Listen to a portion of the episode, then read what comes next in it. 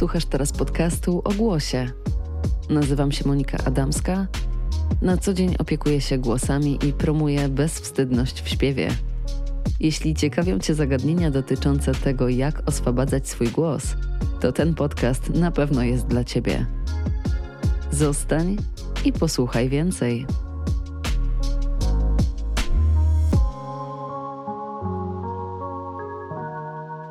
Cześć, witaj w kolejnym odcinku podcastu o głosie.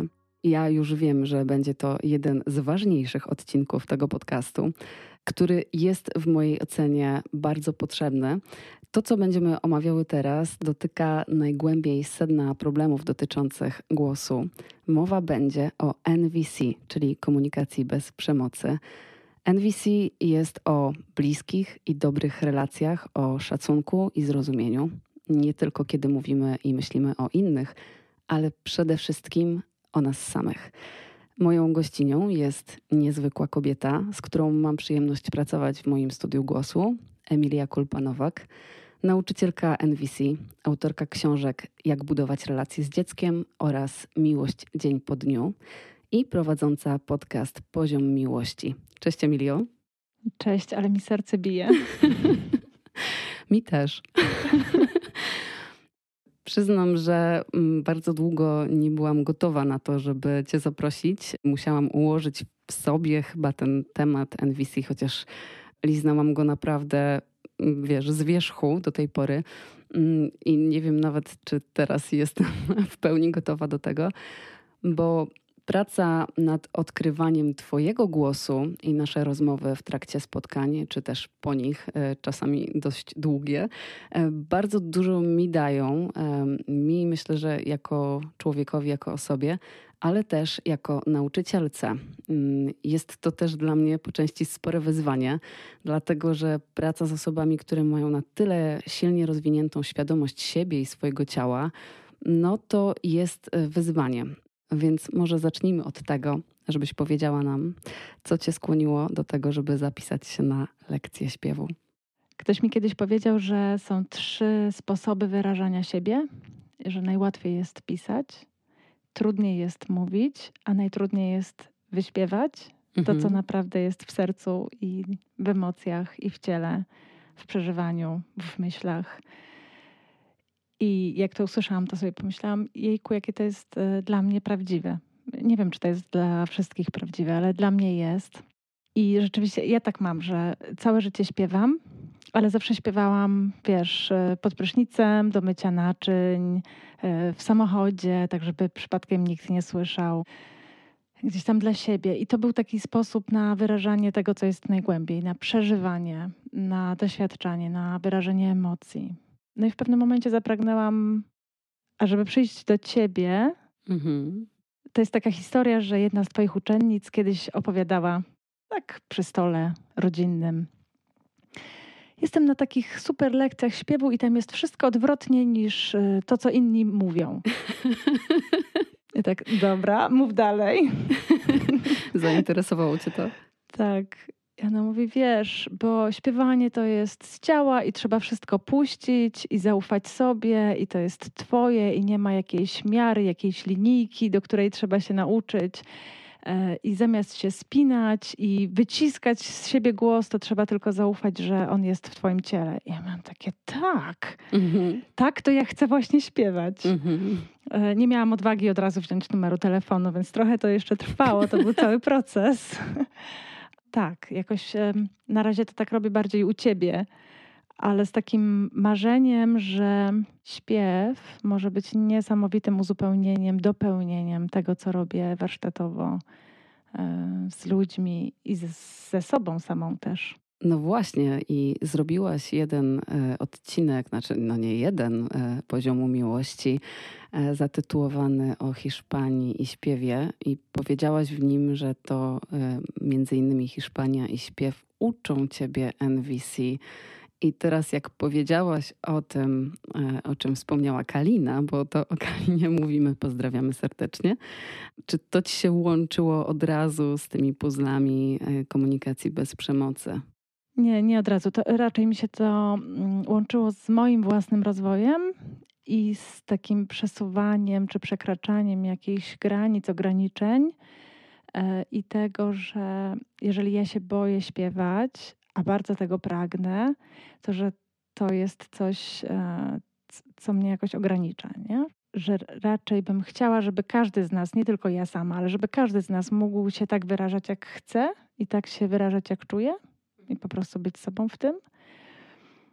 I te nasze lekcje pokazały mi taki kawałek, który ja też bardzo na warsztatach obserwuję, że to jest e, poko a poko, to jest kroczek po kroczku, że nie da się nic zrobić od razu, przeskoczyć wszystkich barier, e, tylko że się idzie właśnie kroczek po kroczku w takim zaufaniu, że na wszystko przyjdzie moment, mogę zaufać sobie, że mogę zaufać Tobie w tym procesie i, i że to jest proces. I tak samo NVC jest procesem. Więc w tym sensie to jest coś bardzo podobnego dla mnie, że, że wiesz, czasami ludzie y, przeczytają książkę o NVC i mają takie, po, taki pomysł, że już wszystko wiedzą. Mm -hmm. Ale w życiu to nie wychodzi. To tak jakby przeczytać książkę o śpiewie i myśleć, że to już wszystko się wie i że teraz można śpiewać. Potem NVC nie działa. No właśnie, albo ci mówią nie śpiewaj. weź się już ucisz, ile można tego słuchać, nie? Że to, to tak myślę, że wielu z nas tego doświadczało. Tak. To o czym jest NVC? Jakbyś mogła y, przybliżyć, wprowadzić nas w ten świat chociaż trochę? Wiesz, to jest o jakiejś miękkości, jest o zaufaniu, jest o otuleniu siebie. Miękko studio głosu. No. no tak. Bo my czasami mamy taki pomysł, że NVC jest o komunikacji, czyli że jak ja powiem w NVC albo że jak ja użyję NVC, to coś się wydarzy tak, jak ja bym chciała. Ja miałam też taki pomysł na początku, że będę się uczyć NVC po to, żebym nie musiała się już denerwować, że nie idzie tak, jak ja bym chciała. Mhm. No ale to nie jest NVC, tylko manipulacja. Mhm. Ja nie chcę manipulować. I moje dojrzewanie w NVC było dojrzewaniem do odpuszczania mhm. i dodawania sobie tej przestrzeni, że moje ciało nie musi być napięte i ja nie muszę oczekiwać konkretnych rezultatów, tylko że mogę w pełnym zaufaniu puszczać. A skąd się wzięło NVC? W ogóle i w Twoim życiu? To w moim życiu mi chyba łatwiej odpowiedzieć, e, bo to po prostu, mm, jak zostałam mamą, e, mój starszy syn ma teraz 13 lat i jak byłam w ciąży z nim, to miałam taką jedną myśl, że nie wiem jak, ale wiem, że inaczej niż ja miałam, że tak chcę z nim żyć, że chcę inaczej go wychowywać, niż ja sama byłam wychowywana. No i tak zaczęła się moja droga poszukiwania, która doprowadziła mnie do NVC, no bo to NVC nie było od razu jakimś takim odkryciem, że o, to jest droga. Mm, ale krok po kroku właśnie mhm. dochodziłam do tego najpierw, że że emocje są bardzo ważne, a potem odkryłam, że to nie tylko emocje, że my często się zatrzymujemy na emocjach, że jest radość, że jest smutek, że jest złość, że jest wstyd i już. Mhm. A to jest dopiero początek. A uczucia są informacją, czyli e, zapraszają nas nie tylko do tego, żeby je przeżyć, ale też do tego, żeby je przyjąć jako informację o czymś, co jest dużo głębiej, czyli o potrzebach. Jeśli chodzi o e, śpiewanie, to też możemy znaleźć tych potrzeb bardzo dużo. Ja codziennie, pracując z różnymi osobami, mierzę się z tym, że nie jestem w stanie prowadzić zajęć jednakowo dla wszystkich, bo u każdego, praktycznie każdego, te potrzeby są zupełnie inne. Cel jest ten sam. Chcemy śpiewać ładnie, przyjemnie, zdrowo, wygodnie, do ludzi, ale nie zawsze też do ludzi. Głęboka potrzeba po prostu śpiewania jako uwalniania tej emocji, tej energii. Przepracow- Przecież śpiew to jest niesamowite narzędzie do tego, żeby przepracowywać trudne emocje. Jakbyś mogła przytoczyć kilka takich potrzeb, które ludziom zwykle się nie wydają być potrzebami, to co by to było? Albo takich potrzeb, które są e, najczęściej w konfliktach, też takich wewnętrznych. Potrzeby nigdy nie są w konfliktach też te potrzeby, które wymieniłaś wcześniej, to nadal nie są potrzeby, jeszcze te głębokie nasze potrzeby. My mamy tak, e, taką dużą chyba trudność mhm. z docieraniem do tych potrzeb, które są tak naprawdę, naprawdę potrzebami. Mhm. E, czyli jak mówimy o uwalnianiu emocji, o przepracowywaniu wstydu, to to jeszcze ciągle nie jest, e, nie jest nasza potrzeba. potrzeba. Mhm. Tak, to są strategie, czyli mhm. sposoby zaspokajania potrzeb. Czyli my chcemy uwolnić, e, czy przepracować wstyd, czy jakieś inne emocje, bo dopiero wtedy możemy mieć zaspokojoną jakąś potrzebę. Dzięki temu. Jak ja mówię, że potrzeby nie są w konfliktach, to mam na myśli to, że mm, to takie najgłębsze rozumienie potrzeb mówi o tym, że wszyscy mamy takie same potrzeby, że one właśnie się nie konfliktują. Czasem nie mamy pomysłu, mhm. jak je razem zaspokoić, jak je uznać wszystkie i mm, wszystkimi naraz się zaopiekować, ale to nie oznacza, że one są w konflikcie. Mhm. I kiedy jesteśmy w konflikcie z kolei z drugą osobą, to też nie dlatego, że nasze potrzeby się konfliktują, tylko dlatego, że nasze strategie się konfliktują, czyli mamy inny pomysł na to, jak zaspokoimy nasze potrzeby. Nawet z taką prostą potrzebą, jak y, potrzeba odpoczynku. Mhm. Ktoś lubi odpoczywać na przykład śpiewając albo grając, a ktoś inny jeżdżąc na rowerze, a ktoś inny leżąc na kanapie. I jeżeli ja lubię leżeć na kanapie, a mój partner na przykład lubi jeździć na rowerze, żeby odpoczywać, to jak powiemy, dobra, to chodź teraz sobie poodpoczywamy, to on będzie miał na myśli to, że no jedziemy, bierzemy rowery, jedziemy do lasu i tam będziemy w ogóle 100 kilometrów wyczynowo e, i nie wiadomo jak jeszcze robić, a ja mam takie, ej zaraz, ja nie mam ochoty się męczyć, ja chcę przecież odpoczywać. To jest jedno z podstawowych założeń NBC, że konflikty zawsze są na poziomie strategii, czyli naszych pomysłów na to, jak będziemy zaspokajać potrzeby. A problemem jest to, że, czy jakimś wyzwaniem, chyba dosyć dużym, jest to, że my nie do końca jesteśmy świadomi, albo w ogóle nie jesteśmy świadomi tego, jakie mamy potrzeby, więc uwieszamy się na tych strategiach, bo tylko strategię znamy. A strategię znamy bardzo dobrze. Mhm. Natomiast y, nie sięgamy głębiej, więc to jest jeszcze sięgnięcie głębiej. Czyli śpiew będzie tu strategią zaspokajania potrzeb. O, myślę, że wielu. No dla mnie to jest y, przede wszystkim o wyrażaniu siebie, potrzeba wyrażania siebie. Mhm. Ale też może być y, na przykład strategią na potrzebę przynależności albo na potrzebę kontaktu, mm, rozwoju, integralności, takiej spójności wewnętrznej może też odpoczynku. No ja odpoczywam śpiewając. No właśnie, towarzystwa. Mm-hmm. Kiedyś kobiety się spotykały na tak. tarcie pierza i śpiewanie. To oczywiście jakiś stereotyp czy dużo takie uproszczenie. Nie, no ale... pieśni się śpiewało właśnie przy praktycznie wszystkich okazjach. No e, właśnie, niegdyś. tutaj dotykamy też żałoby, opłakiwanie, świętowanie. Tak. To też jest, yy, to też są potrzeby, które możemy zaspokajać poprzez śpiew i wiele innych, bo dla, dla każdego z nas może być inna potrzeba. Piękno świata, pokój taki wewnętrzny, mm. porządek, taki porządek jako ramy świata. Mam takie wspomnienie, moja babcia wstawała wcześniej rano, śpiewała godzinki mm -hmm. i w tym mhm. czasie rozpalała w piecu, stawiała kawę, yy, przygotowywała śniadanie dla całej rodziny i śpiewała do tego godzinki. To było o porządku świata. To było o sile wyższej. Robiłam też ostatnio odcinek o kołysankach, które zaspokajają potrzebę poczucia bliskości, budowania, to już pewnie strategia, y, więzi y, intymne z osobami, najczęściej dziećmi, którym śpiewamy kołysanki. Potrzeba więzi to jest jedna z y, takich bazowych, kluczowych naszych potrzeb, zwłaszcza w kształtowaniu się osoby jaką jest y, małe dziecko, które przychodzi na świat i ono potrzebuje więzi, takiej pierwotnej więzi z tym głównym swoim opiekunem, z matką. No właśnie, a co w przypadku e, piosenek, ballad, piosenek o miłości, piosenek romantycznych? Bo ty, Emilio, jesteś nie tylko teoretyczką NVC, ale przede wszystkim praktyczką i prowadzisz wiele warsztatów, a najbardziej przykuły moją uwagę te, które nazwałaś Twoja piosenka o miłości. Na początku przyznam, że myślałam, że śpiewacie tam po prostu piosenki, ale wyjaśniłaś mi to, że um, chodzi trochę o to, teraz opowiem o tym swoimi słowami, e, że wiele piosenek, e, które dotyczą miłości, są tak naprawdę antywzorem na miłość. Treści typu bez ciebie nie ma mnie, bez ciebie nie mogę oddychać, tylko ty dajesz mi szczęście. Dla ciebie zabije się. Dla ciebie zabije się. Tu możemy pewnie wrzucić miliony cytatów z najbardziej znanych e, piosenek o miłości. Tych piosenek, Prawie każdej piosenki. Tych piosenek słuchamy najczęściej, kiedy rzeczywiście znajdujemy się w trudnej sytuacji e, relacyjnej.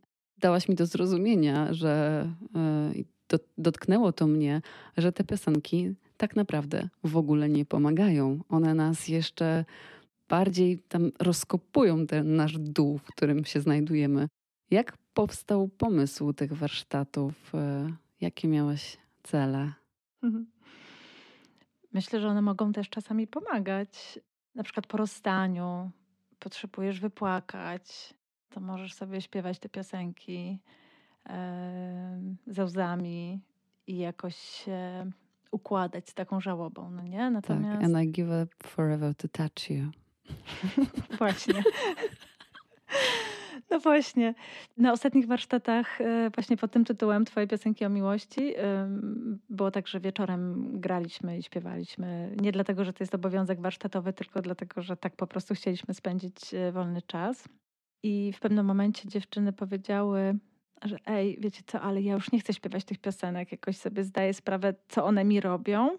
I e, padło takie hasło, że to nie są piosenki o miłości, tylko piosenki o traumach, a piosenek o miłości za bardzo nie mamy, nie? że mamy ich jakoś e, mało, jak na lekarstwo. Są takie piosenki piękne o miłości, natomiast rzeczywiście jest ich bardzo mało. E, pomysł powstał z podcastu, jest taki odcinek podcastu właśnie o piosence o miłości jakoś dotarło do mnie, że wiesz, że ta metafora piosenki o miłości jest taką metaforą naszych przekonań. Że my mm, w piosenkach o miłości jakoś wyrażamy, czy o niemiłości, czy o traumie, już jakkolwiek to nazwiemy, wyrażamy nasze przekonania. Właśnie, że na przykład mm, potrzebuję mężczyzny po to, żeby mieć bliskość, hmm. albo że się poddam jakoś jemu w, tak, w takim negatywnym znaczeniu, nie? że mhm ja muszę być jakoś tam, nie wiem, poddana, albo że muszę go zadowolić, albo że jego potrzebuję, żebym ja była zadowolona, czy jakkolwiek inaczej, że to są jakieś nasze dużo głębsze przekonania, które poprzez piosenki płyną i na warsztatach nie zajmujemy się piosenkami. Ten tytuł jest y, metaforą mhm. właśnie dla naszych przekonań, ale sprawdzamy, jakie nasze, czy poszukujemy tych naszych przekonań, które nosimy w sobie i które definiują nas w relacjach, w związkach. Definiują to jest takie dosyć mocne słowo, ale tak jest, że my no, mamy te różne przekonania o samowystarczalności, o tym, że nikogo nie dopuścimy do siebie, albo że właśnie musimy siebie w pełni poświęcić, albo że jak jesteśmy w pojedynkę, to jesteśmy niepełnowartościowi. No, przeróżne są te przekonania. I dopóki ich sobie nie uświadomimy, nie nazwiemy, to powielamy te zachowania, które te mm, przekonania mm, jakoś przywołują czy formują. I czasami spotykam, wiesz, osobę, która mówi: Jestem w 116 związku i powtarza się ten sam schemat. Pierwszy miesiąc jest e, wspaniały, a po dwóch latach rozpoznaję, że znowu jestem w tej samej dupie, w której byłam mhm. E, już poprzednio i poprzednio i poprzednio i poprzednio. Do tego jeszcze nasza kultura przyspiesza bardzo, nie? że mamy takie, że próbujemy od razu mieć dobrze w związku, jakkolwiek to dobrze definiujemy, dobrze według nas, no i nie wychodzi, więc zostawiamy ten związek, bo on przecież nie rokuje, szukamy nowego związku. I w tym nowym związku okazuje się, że, że znowu jesteśmy w tym samym miejscu. I też nie chodzi o to, żeby trwać w jakichś trudnych związkach, toksycznych związkach i żeby sobie to robić, no bo ja teraz wytrwam i zrobię coś dobrego z tego związku, który jest beznadziejny. Nie wiem, czy tak się da, może czasami się da, może nie, ale że, że jednak ten kawałek pracy jest potrzebny. Mhm. Tylko, że takiej świadomej pracy, jak ja wiem, jakie mam przekonania, które mną kierują, no to mogę wybrać wtedy świadomie, czy chcę to przekonanie utrzymać. No i tym się zajmujemy na warsztatach, tak? takim wyborem, czy ja chcę dalej być w tym przekonaniu. No, tak sobie myślę mm, przy tej okazji, że czym tak na dobrą sprawę jest ta toksyczność? E, czy NVC to jakoś określa? To chyba w sumie off topic, ale jestem mega ciekawa, dlatego że nigdy nie ma takiej sytuacji, że wchodząc w nową relację. E, oczywiście pierwszy miesiąc, dwa, trzy, czasem jest to pół roku, jest to czas tak zwanego honeymoon i wszystko jest ok, e, bo jeszcze jesteśmy na tym haju hormonalnym. E, natomiast w pewnym momencie przychodzi to zetknięcie się z rzeczywistością, z codziennością. Chemia już nas nie wspiera w ciele e, i jest to ten moment przepracowywania doświad- znaczy relacji, bycia blisko doświadczenia drugiej osoby.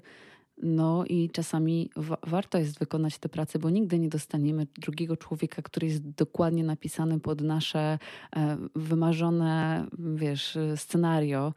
E, więc ta praca jest dosyć ważna. Co, co nas może zaalarmować, że e, sytuacja jest toksik i, e, i to już nie jest coś, nad czym można pracować, tylko e, warto jest po prostu mm, przestać być w tej relacji pogadać ze sobą, dowiedzieć się, dlaczego wchodzimy w takie związki e, z takimi osobami, bo zapewne są to jakieś cechy, które nas w jakiś sposób przyciągają, ale one zawsze wróżą to samo. Mm, to jest bardzo ciekawe pytanie i myślę, że na samo to pytanie mogłybyśmy odpowiadać trzy dni tutaj w tej rozmowie. Zrobiłaś odcinek o toksyczności? Nie. Nie, ale zrobiłam na przykład odcinek o przekonaniach. Mhm. Zrobiłam też o tym, y, jak seksem próbujemy sobie zaspokajać potrzeby, bo seks nie jest potrzebą. I to jest zawsze coś takiego, co ludzi, e, ludzie się buntują na to bardzo. Jak to? Jak to? Przecież wiadomo, że to jest naturalna ludzka potrzeba. Nie do końca, to jest strategia też. E, NVC nie używa w ogóle takich słów jak że ktoś jest toksyczny albo że jest e, narcyzem, zaburzony, i tak dalej. Odchodzimy od tych etykiet, y, bo kiedy naklejamy na kogoś albo na coś taką etykietę toksyczny, zaburzony, jakiś, jakiś, jakiś, jakiś, no to przestajemy widzieć tego człowieka. NVC nas cały czas zachęca do tego, żeby być w kontakcie.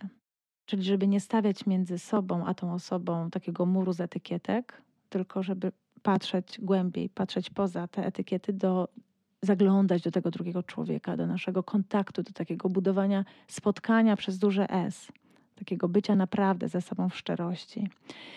I teraz, jak mówisz, że no, coś nie działa, tak, i po czym poznać, albo że ktoś y, ma jakieś zachowania.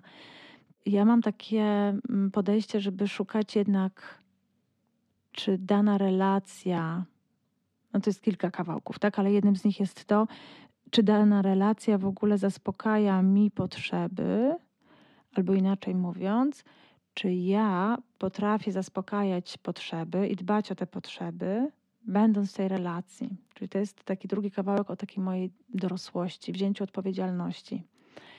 Mam taki pomysł, że my czasami próbujemy w związku wchodzić w rolę takiego dziecka, które chce być zaopiekowane mój partner nie jest od tego, żeby mnie zaspokajać, w takim sensie, że ja mu się jakoś poddam, a on mnie zaspokoi.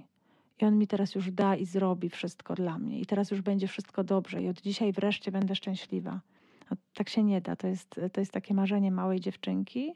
Jeżeli wezmę odpowiedzialność, pełną odpowiedzialność za moje potrzeby, to bez względu na to, co robi mój partner, ja mogę mieć zaspokojone potrzeby.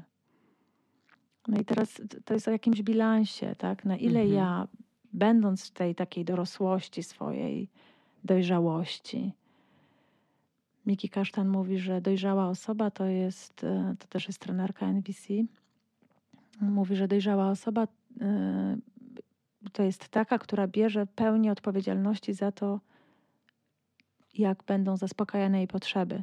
To nie znaczy, że ma je zaspokajać wszystkie same, samodzielnie, w takim syndromie Zosi Samosi. Wszystko zrobię sobie sama. No, nie jesteś chyba nawet w stanie wszystkich potrzeb zaspokoić sobie sama. Na przykład potrzeby bliskości z drugim człowiekiem. No, takie, wiesz, one night standy, to, to, też, to, to, to też jest wykorzystywanie drugiej osoby do tego, żeby zaspokoić tę potrzebę. Tak, ale też bliskość możesz mieć nie tylko w, w takiej realnej bliskości e, fizycznej z drugą osobą. Mamy mhm. więcej strategii na każdą z tych potrzeb. Mm, możemy je wszystkie odklejać od, od naszego partnera i od tego oczekiwania, mhm. że to mhm. drugi człowiek, a zwłaszcza w kontekście seksualnym, ma nam Mhm. to zaspokajać. Więc nie chodzi o to, żeby być e, Zosią Samosią, ale chodzi o to, żeby nie oczekiwać właśnie, że to mój partner mi to wszystko teraz zrobi. I wyważenie między tym, że ja biorę odpowiedzialność, czyli nie oczekuję, tylko jasno komunikuję, czego chcę. Sprawdzam, czy druga osoba ma gotowość, bo ona też nie jest moim narzędziem do, do zaspokajania moich potrzeb, że teraz będę jasno komunikować i on musi. Nie musi, bo jest wolnym człowiekiem, nic nie musi. Więc oddanie mu tej wolności, czy uhonorowanie tej jego wolności, bez rezygnacji ze swoich potrzeb, szukanie różnych innych strategii. My mamy mnóstwo do wyboru, jeżeli chodzi o bliskość, o dotyk, o kontakt, y, towarzystwo, więź. Mamy do dyspozycji, to teraz tak zabrzmi bardzo instrumentalnie, ale mamy przyjaciółki, mamy zwierzęta, mamy dzieci, e, mamy drzewa, morze, mamy naprawdę mnóstwo możliwości, sposobów, w które możemy zaspokajać te potrzeby. I jeżeli ja wchodzę do tego związku jako osoba spełniona, z takim nastawieniem, że ja chcę z Tobą coś budować razem, bez oczekiwań, to myślę, że jest większa szansa, że faktycznie tam coś dostanę, niż jeżeli wchodzę z takim żądaniem właśnie dziecka. Ty mi musisz teraz dawać. No, Bo to jest po prostu trudniejsze. My mamy wszyscy potrzebę wolności, wyboru, niezależności i nie chcemy, żeby ktoś nas wciągał w zaspokajanie swoich potrzeb. Wciągał bez mojej zgody, wciągał, e, wiesz, jakimś szantażem emocjonalnym. Ja chcę móc wybrać być z tobą, chcę móc wybrać, zaspokajać ci potrzeby, a nie, że ja coś muszę. I tak Mhm. samo w drugą stronę, nie chcę tego oczekiwać od mojego partnera. No bo inaczej kończy się to tak, że siedzimy samotnie, pijąc najczęściej wino i słuchając smutnych piosenek po rozstaniu. O miłości, O miłości, tak. o E, pseudomiłości. Więc teraz po tym bonusie, e, który jest trochę obok śpiewania, ale, ale myślę, że te piosenki i ten śpiew gdzieś tam może się też przewijać w różnych strategiach. E, Zawińmy do portu głosu. Poruszmy tematy dotyczące, znaczy to jest wielowątkowe pytanie, więc e, od razu e, przepraszam za jego skomplikowaną treść, ale myślę, że sobie poradzisz. Krytyk wewnętrzny, perfekcjonizm, trudności z akceptacją siebie, problemy z odczuwaniem satysfakcji, z byciem dumnym z siebie, mówienie sobie, że się nie nadaje, że jestem niewystarczająca, że sobie nie poradzę. O czym to jest, y, kiedy myśli o sobie bywają nie do zniesienia? I jak w Twoim odczuciu i doświadczeniu łączy się to z NVC i z głosem? Tu mi z odpowiedzią przychodzi jeszcze drugie podejście. Em, Sarah Payton na bazie NVC oraz badań neurobiologicznych, badań mózgu, e, stworzyła takie podejście, które nazwała resonant healing, czyli uzdrawianie naszego właśnie wewnętrznego krytyka, między innymi poprzez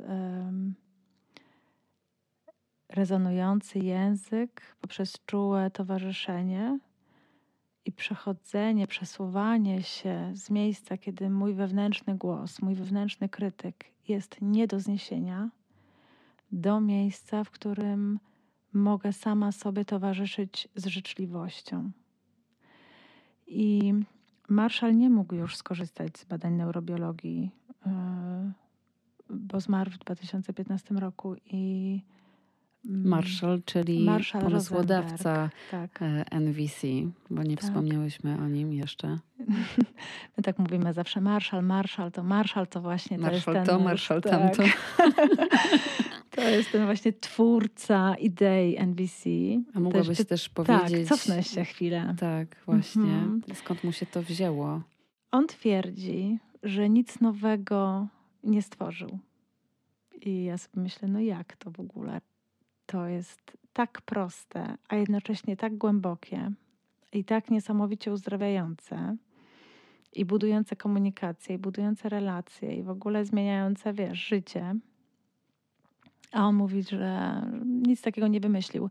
No bo faktycznie e, wszystko to, tak on twierdził, że wszystko to, co jakoś poskładał w NVC, to już wcześniej było w różnych kulturach i w różnych religiach dostępne. To nastawienie na taką pokojowość, nieprzemocowość, e, na to, żeby widzieć drugiego człowieka, żeby właśnie kochać siebie, no to, to my to znamy. Znamy to z, z naszego kościoła, e, znamy to z, z wielu innych przekazów. On natomiast szukał takiej odpowiedzi, jak to się dzieje, że ludzie potrafią być jakoś okrutni i przemocowi, strzelać do innych ludzi, grozić bronią, wy, wymuszać i tak dalej, a jednocześnie też ludzie potrafią kochać, dawać z siebie dużo na rzecz innych ludzi, na rzecz społeczeństw, budować i tworzyć piękne rzeczy.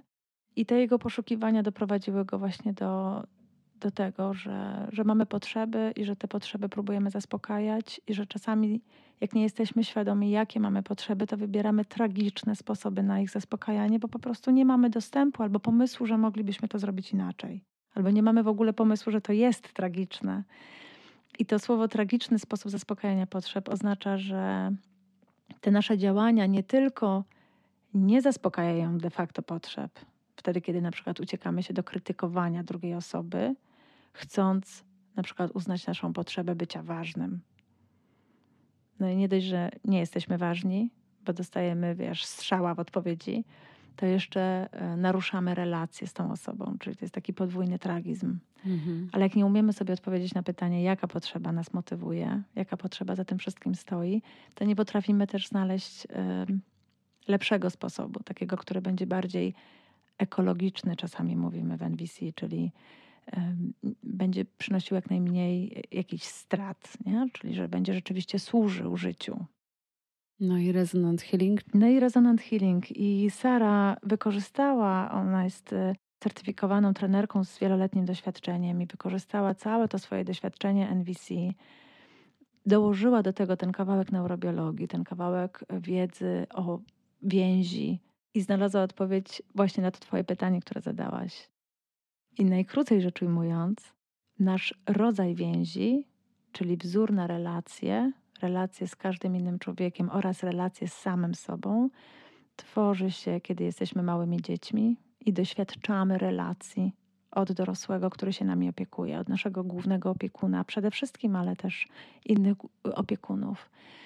I kiedy my doświadczamy jako malutkie dzieci zachwytu, miłości, troski, bycia przyjętym z każdym uczuciem, ze smutkiem, ze złością, ze wstydem, bycia przyjętym takim, jakim jesteśmy, to wtedy wytwarza się w nas taka wewnętrzna, czuła matka, która mówi do nas głosem pełnym ciepła, miłości, zaufania. Kiedy nam tego brakowało, nie, nie mieliśmy tego tyle, ile potrzebowaliśmy, to wytwarza się w nas głos krytyczny, na przykład krytyczny, a czasami wręcz krzywdzący. No jak sobie myślę o moim pokoleniu i o tym, jak my byliśmy wychowywani, i tutaj mm. przeskok z powrotem do tego, co mówiłam o moim dziecku, także ja wiedziałam jedno, nie chcę powtarzać tego, jak my byliśmy wychowywani. Przerwanie sztafety pokoleniowej. No i to jest mega, mega trudne. Y, I wiesz, ja sobie zawsze myślę, że jak ktoś zrobi 2, 3, 5% inaczej niż sam doświadczał, to już jest przerwanie sztafety, mm -hmm. że to nie musi być wszystko inaczej. Ale jeżeli my doświadczaliśmy bycia krytykowanymi, y, musieliśmy dorównywać do jakiejś, wiesz, do jakiejś szeregu, mm, osiągać jakieś sukcesy według pomysłu naszych nauczycieli, naszych rodziców, czy sąsiadów, jakoś się dopasowywać uformowywać do tego, jak inni ludzie myślą, że my powinniśmy się uformować. To potem jak śpiewamy, formujemy, dopasowujemy, wkładamy w najsztywniejsze tak. ramy. I sami sobie to robimy, bo to jest po prostu silniejsze od nas. I jedna nas, nasza część mówi, chcę być przyjęta z tym, jak śpiewam, a druga część mówi, nie jesteś wystarczająco dobra, i nie jesteś nosowską kają, w ogóle nie wychylaj się i co ty w ogóle robisz i to jest śmieszne i to jest zawstydzające. Nie? I że to jest bardzo trudne. Ty zawsze mi mówisz na, na lekcjach, w śpiewie bądź bezwstydna. Ja sobie myślę, wow, No ale zrobić to, to jest naprawdę wyzwanie. Tak, e, no ale to nie jest wyrok, prawda? Nie, absolutnie to nie jest wyrok. To nie jest wyrok, natomiast nie jest to do zmienienia tak, że wiesz, powiem sobie, dobra, od dzisiaj będę siebie kochać i będę akceptować to, jak ja śpiewam. Albo cieszyć się tym, jak śpiewam.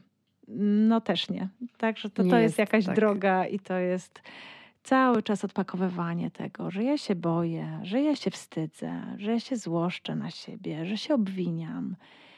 I wyciąganie tego, i oswajanie tego lęku, i poszukiwanie, jakie potrzeby za tym stoją, jakie historie stare za tym stoją, co moje ciało pamięta. A moje ciało pamięta nie tylko moje doświadczenia, ale pięciu pokoleń wstecz. One są zapisane w moim ciele a Indianie mówią o siedmiu pokoleniach. Mm-hmm. Więc sobie myślę, hmm, może nauka też do tego kiedyś dojdzie. no to oczywiście żart, ale, ale tak, no, y, my mamy, nosimy w sobie bardzo dużo trudnych doświadczeń naszych i naszych przodków. I po prostu nie da się tego jednym dotknięciem czarodziejskiej różdżki zmienić, ale da się zmieniać. Mm-hmm. No, tylko małymi krokami, to prawda. To się dzieje i mm, to jest dla mnie bardzo satysfakcjonujące, jak y, słyszę, y, i to nie tylko w trakcie, kiedy osoby, z którymi pracuję, śpiewają, ale także jak mówią o tym procesie swoim, jak zaczynają opowiadać inaczej, używając zupełnie innych słów na temat y, swojego śpiewania, nawet w ćwiczeniach. I to jest, to jest mocne. Oczywiście to się nie dzieje od razu, chociaż na początku drogi też są pewne przełomy. Pamiętasz swój początek y, drogi, swoją pierwszą lekcję. W odcinku, o którym wspomniałam na początku, powiedziałaś, że byłaś zaskoczona y, tym naszym pierwszym spotkaniem, że to, to nie była lekcja taką, jaką sobie wyobrażałaś, lekcję śpiewu. Tak, no bardziej bym się spodziewała jakiegoś, wiesz, egzaminu ze skali. jak wysoko i jak nisko jesteś w stanie zaśpiewać, nie? E, a my przede wszystkim na pierwszej lekcji to przede wszystkim rozmawiałyśmy. To prawda. Tak, ale to, czego szukałyśmy, no, to ta jest... moja droga jest mega, mega długa. Długa i owocna tutaj u ciebie, chociaż e, cały czas sobie, wiesz, mam włączonego tego wewnętrznego krytyka, który mówi ciągle nie jesteś taka dobra jak, nie? Jakiegoś takiego porównywania się, albo przecież już było dobrze trzy lekcje wcześniej, dlaczego dzisiaj znowu nie jest dobrze? no właśnie. Mhm. I o czym to jest, kiedy nie jesteśmy w stanie e, przypomnieć sobie, albo nawet pamiętamy, że te trzy lekcje wcześniej było dobrze. Dlaczego nie jesteśmy w stanie tego uznać, że już to potrafimy? Nie da się tego oduczyć. W sensie doświadczenia nie da się oddoświadczyć. Czemu nie przekonuje to naszego wewnętrznego krytyka? Wiesz co, jakbym miała tak w ogóle mm, wyjść z mojego własnego doświadczenia i tak popatrzeć z lotu ptaka, to najbliżej mi jest do stwierdzenia, że my w ogóle umiemy. Mm. Że my w ogóle nic nie potrzebujemy nie mam na myśli tego, że ciebie nie potrzebujemy, bo potrzebujemy cię, ale że nie, my jako to, ludzie... nie o to chodzi. Nie, ja ale tak, no potrzebujemy cię, znaczy, no nauczyciel... i dajesz nam tutaj, wiesz, po prostu naprawdę, naprawdę dużo. No tak samo jak ja daję moim kursantom bardzo dużo y, na warsztatach NVC i że to y, z nauczycielem, czy mistrzem, czy przewodnikiem, czy towarzyszem, bo to są różne role, tak. Ale z tą osobą, która jest przy tobie i która patrzy na ciebie życzliwie i nie chwyta się twoich błędów, hmm. jest dużo łatwiej pójść. Natomiast y, jakby wyjść w ogóle jeszcze dalej, do innej perspektywy, to ja sobie czasami myślę, że my jako ludzie jesteśmy doskonali. Że my nie jesteśmy jacyś wystarczający, to jest takie dosyć modne ostatnio, że jesteśmy wystarczający albo wystarczająco dobrzy, nie lubię tego określenia. My jesteśmy doskonali, my jesteśmy idealni, my jesteśmy perfekcyjni. Każdy z nas jest inny, każdy z nas ma inne zasoby, każdy z nas ma niepowtarzalny zestaw talentów, umiejętności, yy, wszelkich różnych zabarwień, doświadczeń i, i właśnie tych przekazów pokoleniowych. I to jest nie do zakwestionowania. No ale potem staję na lekcji albo przed mikrofonem na koncercie i przypominam sobie nieświadomie, to nie jest tak, że ja sobie staję i świadomie przypominam, tylko mam zapisane wszystkie te doświadczenia, kiedy słyszałam, że nie jestem wcale taka doskonała, albo że mi się tylko coś wydaje, albo że powinnam coś zmienić, albo że muszę jakoś inaczej. A potem schodzisz z tej sceny i podchodzą do ciebie ludzie i gratulują ci występu. A ty nie wierzysz. A ty dalej nie wierzysz. No. Są uprzejmi po prostu. Tak. nie no, oczywiście, że wierzę, tak? Że, że to jest właśnie cały czas ten wewnętrzny dialog. Nie wiem, jak mają inni twoi uczniowie, ale to jest cały czas taki wewnętrzny dialog. Powiedziałaś mi o tym dziś y, na początku lekcji, właściwie przed samą lekcją, bo przed nagraniem jeszcze miałyśmy spotkanie, e, że byłaś na sesji dotyczącej śpiewu mhm. i powiedziałaś też e, to, że osoba prowadząca powiedziała ci, że jesteś utalentowana i że szukasz tego też od profesjonalisty, dlatego że to z zewnątrz przyszło przekonanie o tym, że nie jesteś doskonała na samym początku i teraz z zewnątrz poszukujesz mm, potwierdzenia na to, że jesteś, a gdzie w tym wszystkim jest wewnętrzne przekonanie. I powiedziałam ci, że ja ci nie powiem tego, bo to nie chodzi o to, żebym tak. ci powiedziała, że jesteś utalentowana, ślicznie śpiewasz, mm. idź do domu. Tylko o to, żebyś to ty w sobie to ugruntowała. Mm -hmm. I nie musiała tak. od nikogo, że gratulacje po koncercie to jest bardzo miłe i fajne. E, sama lubię te momenty, kiedy podchodzą ludzie i mm, mówią, co, co im ten występ zrobił, co im dał, często co im się podobało. E, na szczęście rzadko co im się nie podobało. Albo nie mówią, bo są tacy mili, wiesz. Nie, to nie jest, to nie jest tak. Oczywiście, że nie. nie. jest tak. E, wiesz, e, większość ludzi mm, chyba nie ma na tyle odwagi w sobie, żeby podejść do drugiego człowieka i powiedzieć: To skopałeś, to skopałeś, to było nieczysto, wiesz, to bym zrobił lepiej. Więc nie podchodzą do osób, które, e, które jakby nie zrobiły im dobrze po prostu. Ale w momencie, kiedy mamy jak, jakiś pozytywny bagaż doświadczenia po danym występie, to chętnie się tym dzielimy, bo to jest, wiesz, to jest fajne. Tak, i to są dwie rzeczy.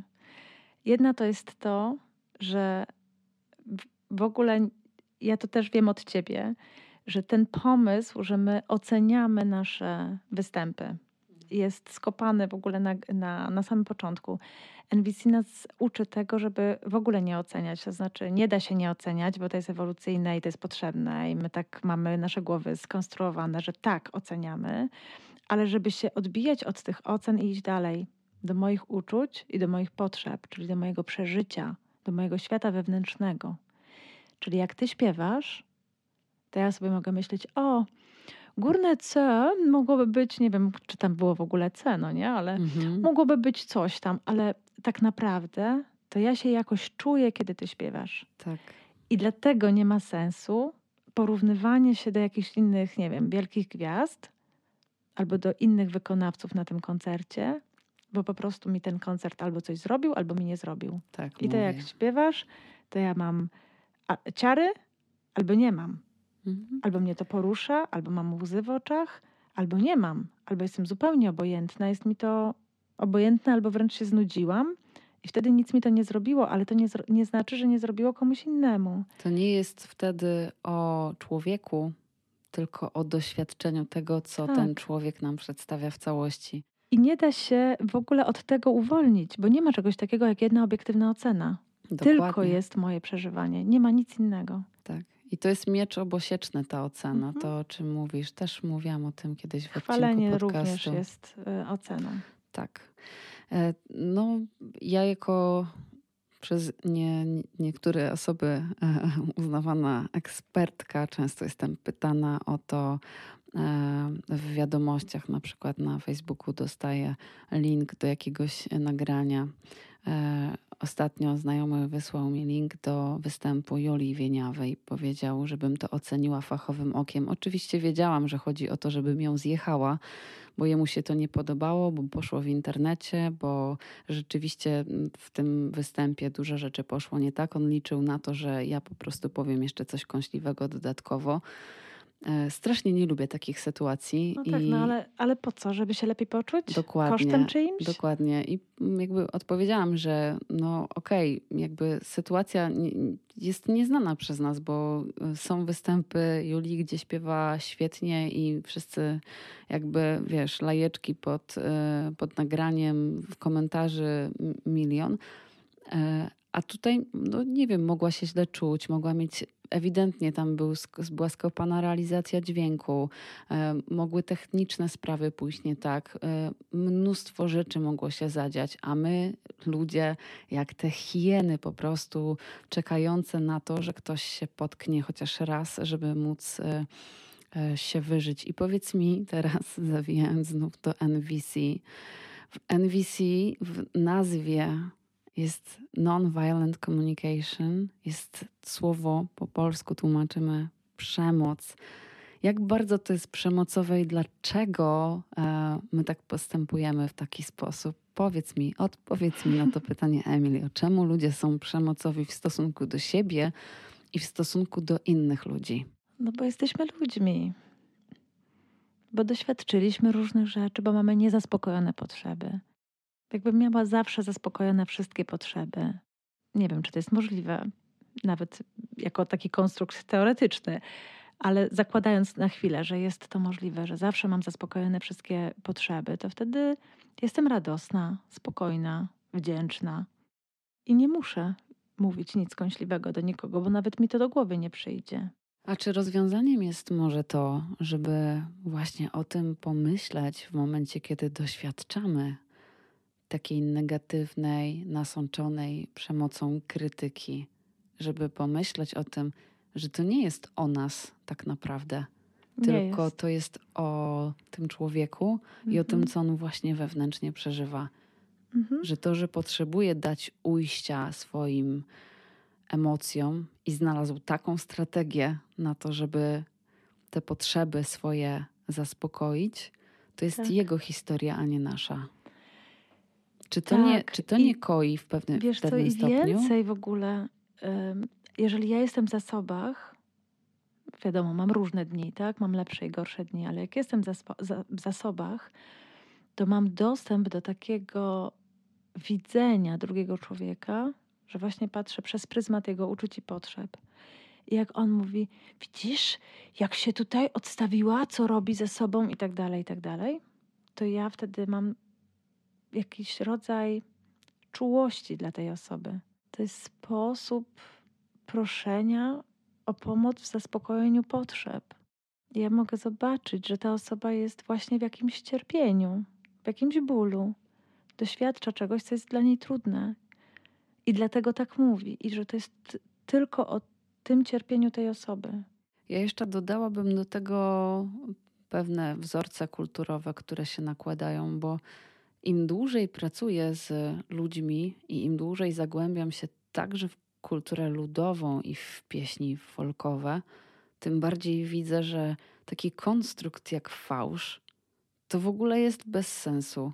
I często słyszę w dźwiękach, które nie do końca się zgadzają z tym, co gram na klawiaturze, jakieś takie piękno. Jakbyśmy odeszli trochę też od widzenia i słyszenia utworów muzycznych w taki sposób właśnie ustrukturyzowany, taki wdrukowany nam przez e, kulturę pop e, z ostatnich lat, tych lat, co trochę minęło. nagrań komputerowo. Które zawsze to powtarzam moim uczniom, że sprawdzajcie też nagrania na żywo. I to, że tam na żywo brzmi inaczej niż na płycie, to nie znaczy, że brzmi źle.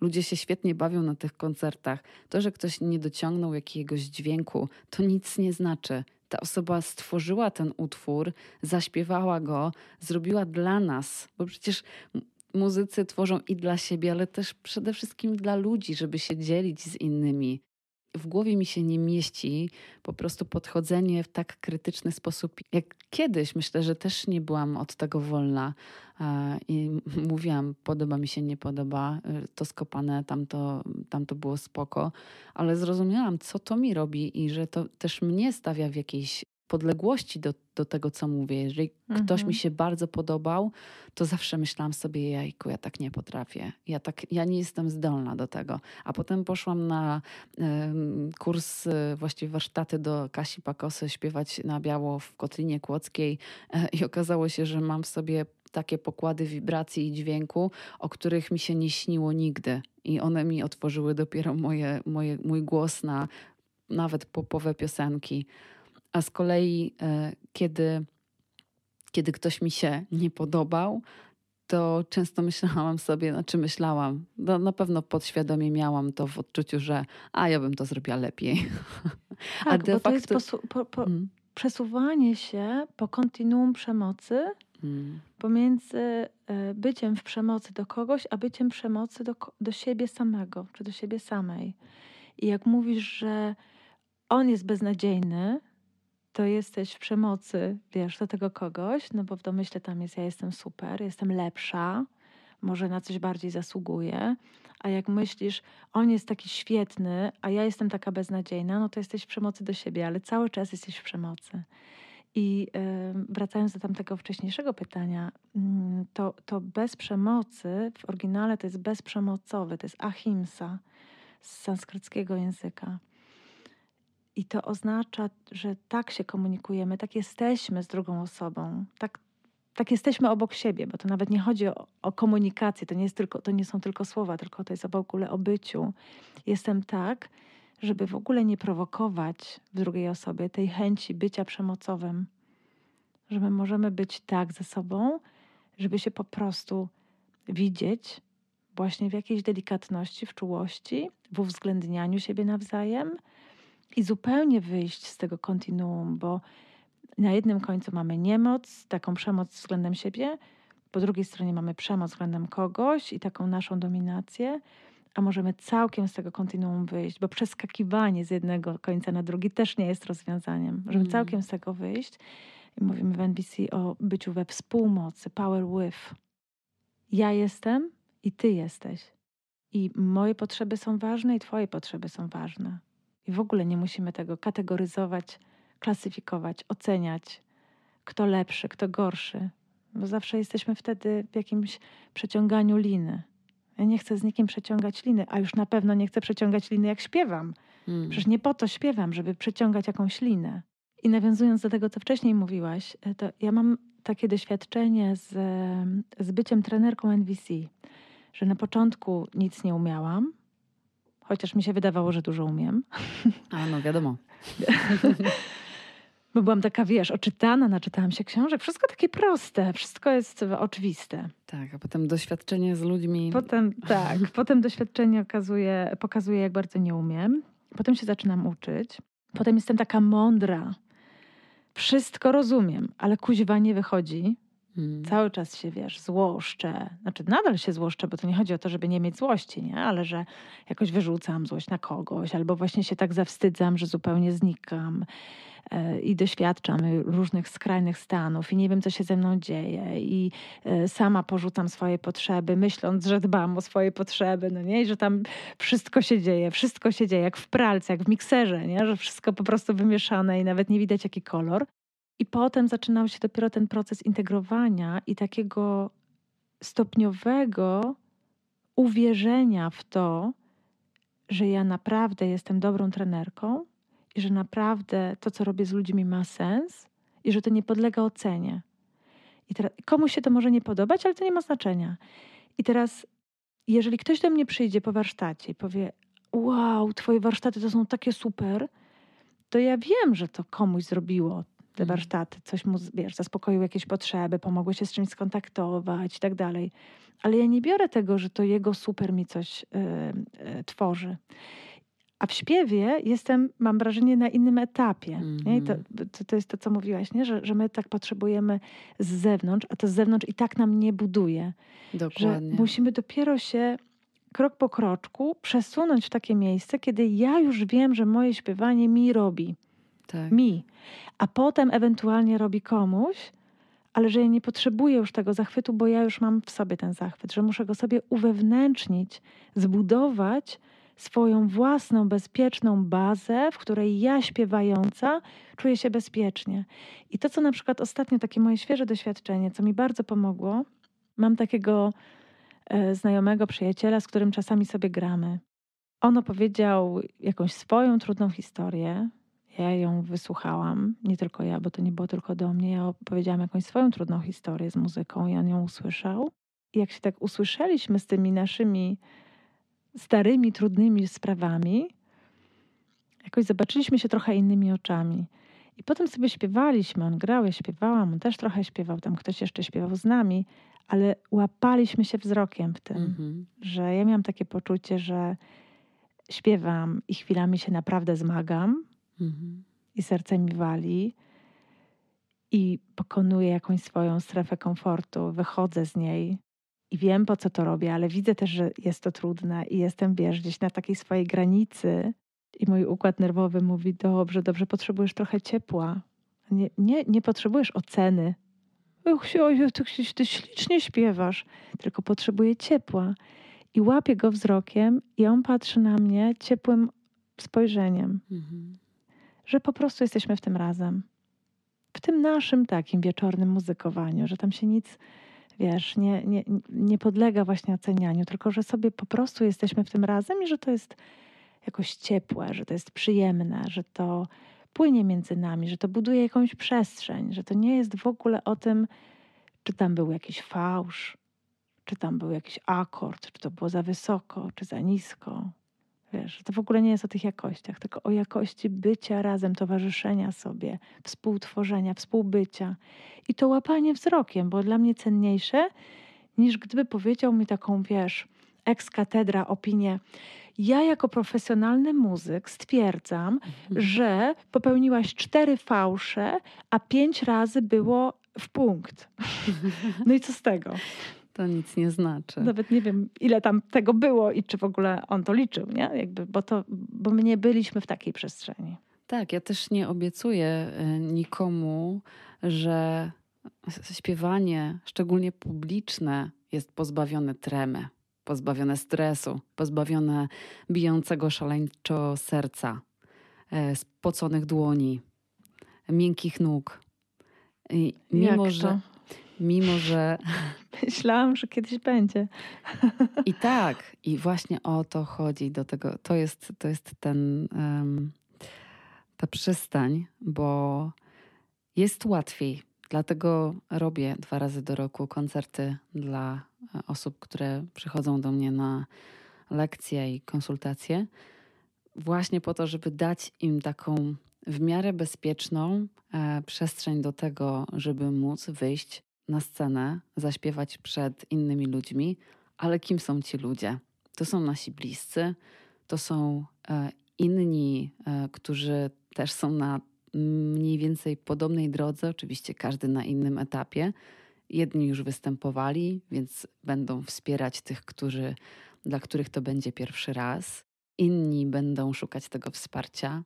Ma być właśnie bez oceny, ma być tak, żeby było każdemu w miarę przyjemnie, ale to nie jest nigdy pozbawione stresu, e, tylko że trzeba rozdzielić stres i stres. No, scena jest dosyć wyjątkowa, dlatego że wtedy te nasze układy e, współczulny i przewspółczulny, one działają jednocześnie.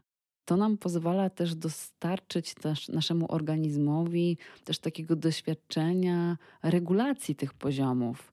I to jest, myślę, coś niezwykłego bo to nie jest tak, że ludzie, którzy do mnie przychodzą, e, szykują się tym samym i że to jest jakiś przedsionek do wielkich scen światowych. Nie.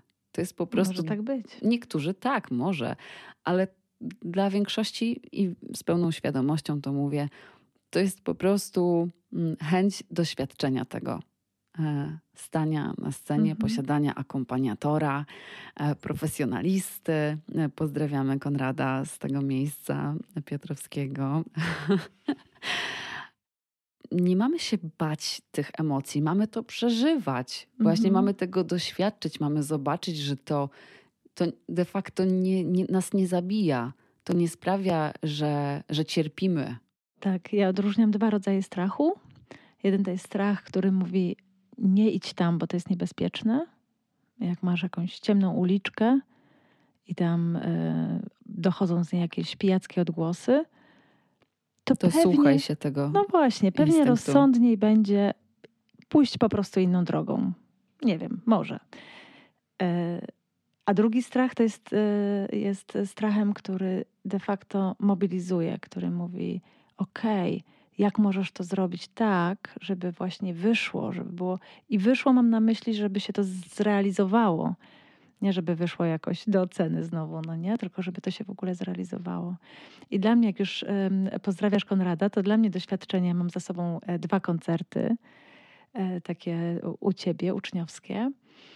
I pierwszy koncert to był koncert na przeżycie, mhm. na przetrwanie, żeby w ogóle zobaczyć, jak to jest.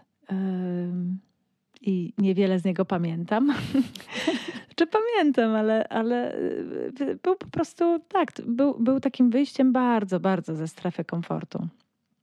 Ten drugi koncert to był koncert, który dał mi nie tylko doświadczenie stania na scenie przed ludźmi, śpiewania i jakiegoś um, ucieszenia się tym, co robię, ale też takiego rodzaju współpracy, której bardzo rzadko mogę gdzieś doświadczyć że akompaniator, który jest y, wspaniałym muzykiem, ocena. Oceniłam go, ale tak go widzę. Mhm. no jest wspaniały. Właśnie, możemy też czasami pooceniać. I nagle on, jego kompetencje muzyczne są, mm, no właśnie, jakoś trudno mi to wyrazić bez, y, bez porównania, ale on dużo więcej na temat muzyki wie ode mnie i dużo więcej w muzyce umie ode mnie. I ja mogłabym wejść w tą rolę takiej malutkiej, właśnie przerażonej dziewczynki, która tutaj z wielkim pianistą występuje na scenie. E, I nie mówię, że nie miałam takich myśli czy mhm. takich mhm. jakichś reakcji z ciała, ale jesteśmy ostatecznie na scenie razem. I on trzyma mnie, a ja jego na oddech. Mhm. My byliśmy w tym doświadczeniu, w takim właśnie absolutnym wsparciu, że on nie dał do zrozumienia ani mnie, ani publiczności, że coś więcej ode mnie umie albo coś więcej znaczy, tylko że byliśmy razem w tym właśnie na oddech i ja zrobiłam coś innego niż e, to, co mieliśmy przećwiczone. No bo jakoś tak to popłynęło, że zrobiłam jakoś inaczej. Ale on, ponieważ był w tym czuciu ze mną, właśnie w tym oddechu, poszedł za tym i zagrał tak, jak ja zaśpiewałam. Tak. I że ten przepływ to jest takie doświadczenie, którego jakoś bardzo trudno mieć takie doświadczenie w codziennym życiu czy w mhm. jakimś innym życiu. I dla mnie od tego występu ja jestem w ogóle tak podjarana tym pomysłem, że, że to jest, że takie rzeczy mogą się wydarzyć i nagle dla mnie śpiew już nie jest tylko o wyrażaniu emocji, wyrażaniu siebie i w ogóle byciu, ale jest też o takim rodzaju współpracy, który bardzo e, jest e, rzadki i, i cenny jednocześnie. Piękne. Także dziękuję, Konrad. Dziękujemy, Jeżeli to Konrad. słyszysz, to tak, to jest coś mega dla mnie. Chciałabym jeszcze poruszyć e, jeden wątek, a właściwie dwa, bo kiedy mówiłyśmy mm, na poprzedni temat, to odpaliło mi się odpaliła mi się nienawiść e, dotycząca talent showów e, i tego, co się dzieje tam z ludźmi i jak bardzo przemocowe są talent showy.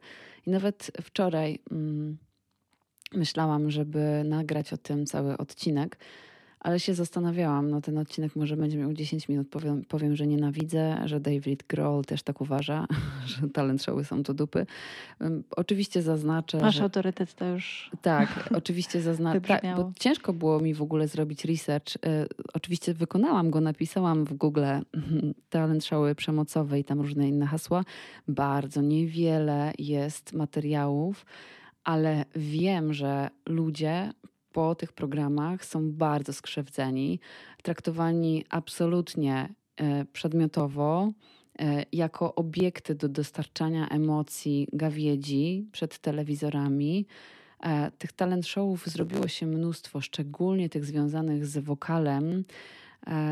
No, bardzo mnie, to, bardzo mnie to mierzi. Ja wiem, że dla niektórych osób może to być trampolina do sukcesu. Na pewno jest kilka osób w Polsce, które mm, no, wystartowały dzięki talent showom, bo inaczej nie miałyby możliwości.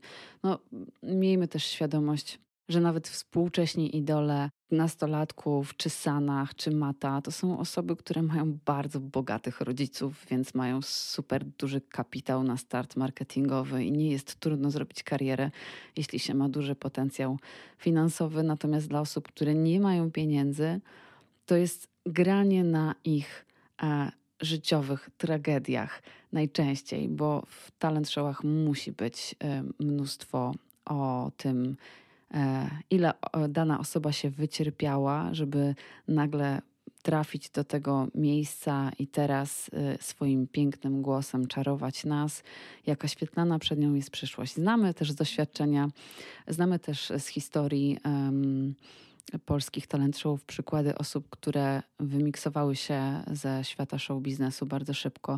Oczywiście nie wypowiadają one się też w mediach szeroko, ale podejrzewam, że to też wynika z pewnych umów. Kiedyś miałam w ręku umowę dotyczącą e, chyba TVN-owskiego talent showu. Wiem, że na pewno jest tam przekazanie stacji albo wytwórni, już nie do końca pamiętam, praw do historii Twojego życia, czyli niezależnie od tego, czego się dowiedzą, oni mogą to opublikować.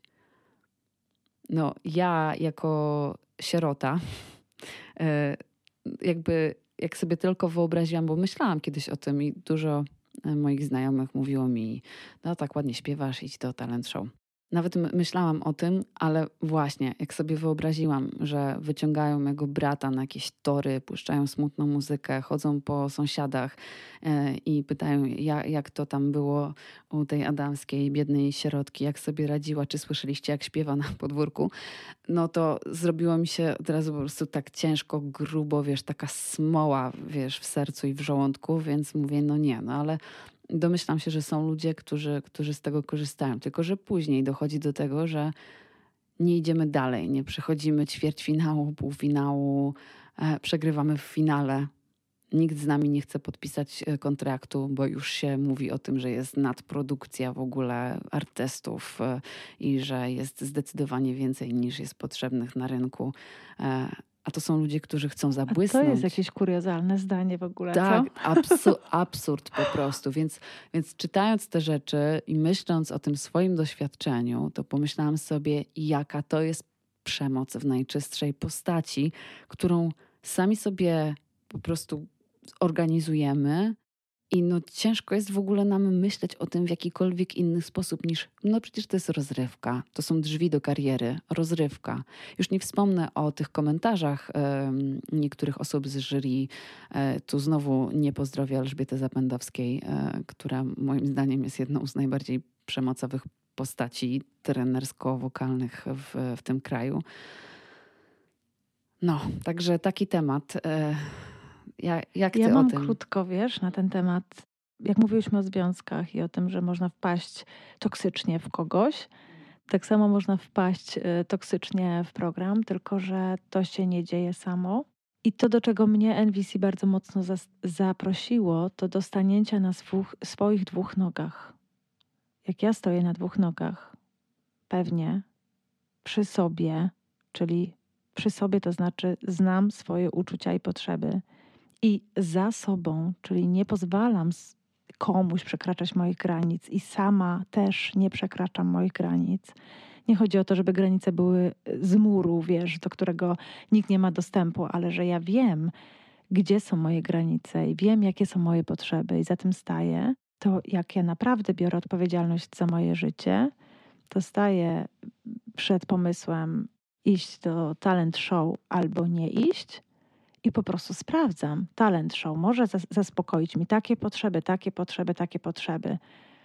Wybicie się, trampolina, tak naprawdę jaka to jest potrzeba? Bycia widzianym, docenienia, akceptacji, przynależności? Czy ja potrzebuję talent show, żeby to mieć? Czy to jest jedyna strategia? Czy to jest najlepsza strategia? Bo za, nie tym, wiem. za tymi potrzebami stoi sława? Czy to jest potrzeba? Sława nie jest potrzebą. Nie jest, to jest strategia to jest zaspokajania strategia. potrzeby i widzę, jakich potrzeb na pewno tam nie zaspokoję. I znowu akceptacji mogę nie zaspokoić. przynależności mogę nie zaspokoić. Docenienia mogę nie zaspokoić. I nagle się okazuje, że idę tam z nadzieją, że zaspokoję jakieś potrzeby, których prawie na pewno nie będę miała zaspokojonych w takim programie. Czyli nie, świadomość. Świadomość i taki wybór z miejsca stania na dwóch nogach, że może ja mogę więcej, nagrywając kilka utworów na Spotify'a i po prostu puszczenia ich w świat. Jak one robią coś ludziom, to jest znowu o tym. Nie o tym, czy ja jestem świetna, tylko jak one robią coś ludziom, jak one są prawdziwe, jak one są autentyczne. Też kiedyś mi ktoś powiedział, jeszcze zanim do ciebie przyszłam, i to była jedna z pierwszych takich, jedno z pierwszych szturchnięć, które jakoś mnie zachęciły do tego, żeby jednak pracować z tym, z tym moim śpiewaniem. To było takie zdanie, że każdy potrafi śpiewać pod warunkiem, że śpiewa sercem, a nie głową. Hmm. I ja sobie pomyślałam, Boże, to jest, to jest coś takiego bardzo mojego, że ja jestem bardzo w tym taka autentyczna, wiesz, w tym takim w ogóle pokazywaniu się i w tym, jak działam i jak y, szkole i jak sama pracuję ze sobą. No i że to, że to jest o tej prawdzie. Jak jesteś w tej prawdzie, to może ci wystarczy 500 odbiorców. To ja w tym jestem. Lubię tego mojego YouTube'a, na którego raz na tam pół roku zaglądam i widzę, że się pojawiło nie wiem, tam tysiąc nowych wyświetleń i dla mnie jest to takie uuu, super. I to, wiesz, no, ktoś po prostu cały czas na to trafia i gdzieś tego, tego słucha. Czasami ktoś napisze komentarz jakiś, nie wiem, z Portugalii mm. albo skądś i to jest takie, to jest takie fajne. I, i też tak. E, zdając sobie z tego sprawę, mm, jakie ryzyko niesie za sobą bycie sławnym, czyli posiadanie bardzo dużych zasięgów, a mianowicie tym ryzykiem jest to, że ja nie będę się podobała każdemu i nie będę robić każdemu, że znajdą się ludzie, którzy mi powiedzą, że gówno umiem, e, w ogóle się nie znam, brzydko śpiewam, mam chujową barwę głosu, w ogóle wszystko wstyd źle. Tak, na e, pewno tak będzie. Dokładnie, więc ja nie wychodząc do tego, mm, daję sobie mm, właśnie tworzenie muzyki, wrzucam to, trafia to gdzieś tam od kręgów moich znajomych, potem gdzieś się rozchodzi, ale taką drogą, gdzie jak się ktoś pojawi i komuś to coś zrobi, to to napisze na komentarzu na YouTubie i nic więcej. To jest w ogóle cudowne. I raz na jakiś czas ktoś mnie tam za, zaczepi. Jednocześnie zawsze może się pojawić ktoś, kto ci napisze, że jest Oczywiście. beznadziejnie i, i tak, tak, no i tak. już wiemy, że to jest jego, bo już to ustaliłyśmy tak. wcześniej. Spoko, ostatnio dostałam taki komentarz. Spoko tylko po co ten papieros, bo był na wideo. To Aha. jakby miałam w koncepcji tego, no po, że siedzę, po to, że siedzę tak gram. Chciałaś, no i tyle. Tak, gram w Diablo 2, siedzę, siedzę z butelką e, jakiegoś napoju w, w, jakby w kształcie mm, wina, ale tam ze smokiem, zielone, wszystko wiesz, dziwne. I do tego papieros miało to taką mieć atmosferę, jeszcze nawiązywać do tekstu piosenki. Po co ten papieros? A jednocześnie wiesz, mam taką, taką myśl, że mm, ja bym nie chciała teraz powiedzieć, że to źle iść do talent show. Albo że nie powinno się chodzić do talent show. Myślę, że dla niektórych y, z nas to może być y, świetne rozwiązanie. I to, co chciałam ja powiedzieć, to to, że widzę Twoją reakcję. To, co ja chciałam powiedzieć, to to, żeby mm, jakoś próbować podejmować te decyzje, zwłaszcza tak duże decyzje, ze świadomością swoich potrzeb. Żeby wybrać, czy ja chcę iść, mając świadomość, co to oznacza. To jest kwestia rabinistyczna. Trochę tak. Moim zdaniem po części się zgadzam. Właśnie ta świadomość, wiem, sama wybieram, wiem, co mnie może czekać. E, super, wszystko się zgadza. Tylko wiesz, jestem chyba na takim etapie, w sumie już od paru lat, ale żywa we mnie jest ta taka neofickość w tym. I uważam, że no zaorać trzeba, bo talent showy zepsuły nam w ogóle e, odbieranie muzyki i właśnie to nadawanie E, predestynacji, że to ty, to jest jedna osoba, która ma talent, ten prawdziwy talent, która porywa, która jest najbardziej szczera w tym, co robi, najpiękniej przekazuje emocje, a reszta, hmm, nie? Że to jest znowu e, gradacja ludzi i to sprawia, że inni, patrząc na to i słuchając tego, znowu stawiają się w jakimś tam podrzędnym położeniu i myślą sobie, nie, no to ja się nie nadaję. Znowu pogłębiają się te rzeczy, o których mówiłyśmy wcześniej. I oczywiście, jeżeli. Dla mnie to jest o całej kulturze, nie tylko o talent Dokładnie, więc, więc e, tak, ale jest to jeden z elementów tej kultury, którą mhm. sobie stworzyliśmy. I moim zdaniem, no, bardzo źle przygotowany. I że tutaj ja bym wprowadziła tam jakąś rewolucję. No właśnie. Wiem, że pojawiają się w tych talent Może showach. zrobisz taki program. Nie w ogóle. Antytalent show. Antytalent show, dokładnie. Non-talent. Non-talent, dokładnie. Piękny pomysł.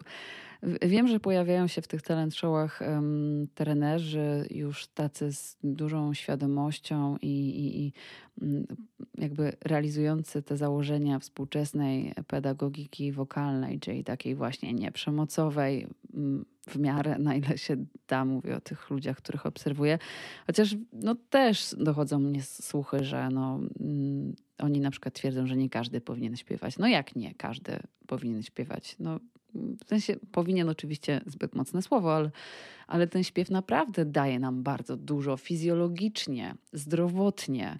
To jest coś, co potrafi nas naprawdę uzdrawiać na wielu poziomach czynienie czegokolwiek, co, co ludzi zniechęca do śpiewania, moim zdaniem jest po prostu to tak jakbyś zniechęcała ludzi do picia wody, albo do, nie wiem, chodzenia, albo do oddychania. Więc dla mnie w tej chwili talent showy po prostu aż mam dreszcze. Sama uczestniczyłam oczywiście w kilku konkursach za namową, ale to też był taki etap, w którym, no właśnie, potrzebowałam sobie udowodnić, albo nawet nie sobie też, ale, ale też innym, zobaczcie, ja potrafię. Chociaż uważam cały czas, że to, że ktoś potrafi śpiewać, absolutnie nie determinuje tego, że będzie dobrym nauczycielem. No ale na początku swojej mm, drogi mm, kształcenia się w kierunku tego, żeby zostać nauczycielką śpiewu, miałam duży, duże poczucie, mm, ten, ten bias polegający na tym, że, e, że jestem oszustką, nie? że to jest syndrom oszusta, straszna sprawa i że muszę udowadniać, że, że, ja, że jestem dobra w tym. Że jak pojadę na taki konkurs i zdobędę Grand Prix, to będzie ten. Zdobyłam to Grand Prix i nie wiem, jakoś nic się nie zmieniło, poza tym, że dostałam trochę kasy.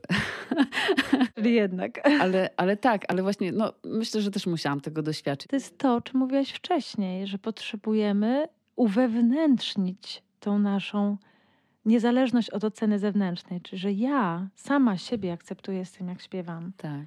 No i to jest droga. Jest. Jak się ma za sobą podstawówkę chociażby i jakieś y, przedstawienia na Dzień Matki, tak. to często wystarczy, żeby już się tak. nie odzywać do końca życia. Oczywiście. Że, że naprawdę to nie muszą być wielkie traumy, mm. tylko ta, ta, ta ilość drobnych doświadczeń, kiedy nie, twoje śpiewanie to nie jest wcale takie fajne i świat zewnętrzny ci powtarza jakieś brednie. No i tak, no i trzeba się z tego jakoś powoli otrząsnąć.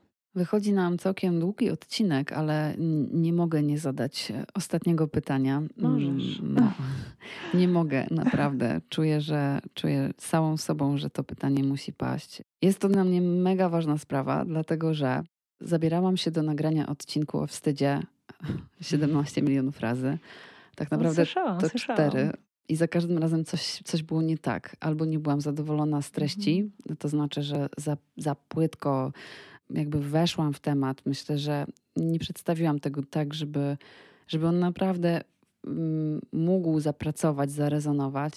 Później nagrałam świetny odcinek, ale naprawdę no, byłam ogromnie zadowolona, tylko okazało się, że nie podłączyłam e, kabelka. E, no, wstyd źle. Po prostu i, i nagrało Aż się... wstyd po prostu przy nagrywaniu odcinka o wstydzie, nie? Tak, no nawet zrobiłam o tym relację na Instagramie, że, y, że do, popełniłam błąd. Jestem winna tego, że się nie, nie przygotowałam tak, że nie zrobiłam testu, nie sprawdziłam. Y, jakby weszłam na żywioł i popełniłam błąd. I właśnie o mechanizmie wstydu i poczuciu winy i czym to się od siebie różni. Więc pomyślałam, że ty jako ekspertka, zresztą też nagrałaś e, odcinek poziomu miłości o wstydzie. A żeby jeden. A żeby jeden, właśnie. Możesz tutaj zostawić nam takie, hmm, takie podsumowanie tego, co myślisz na ten temat, ale w kontekście, w odniesieniu do śpiewania, bo Mm. ten wstyd i śpiew e, to są rzeczy, które naprawdę ze sobą się bardzo często sklejają. Hmm. Krótkie podsumowanie wstydu. Wiem, że proszę o prawie takie- niemożliwe. Masz dwa Temacik. zdania. Dwa zdania. Żartuję. Mhm. Dob- dobra, E, jest taka książka e, w liceum w dwóch zdaniach napisana. To Mhm. drugie zdanie to było i tak szli całą noc. Mhm. Słuchajcie, wstyd. Wstyd uaktywnia się wtedy, kiedy mamy jakieś przekonania na bazie dawnych doświadczeń, że gdy robimy to, co robimy, albo gdy zrobimy to, co chcielibyśmy zrobić, to zostaniemy wykluczeni. Wstyd ma nas uchronić, ma nam dać pewność bezpieczeństwa i przynależności. Że jak będziemy w grupie, będziemy naprawdę przyjęci w tej grupie, to wtedy na pewno będziemy bezpieczni.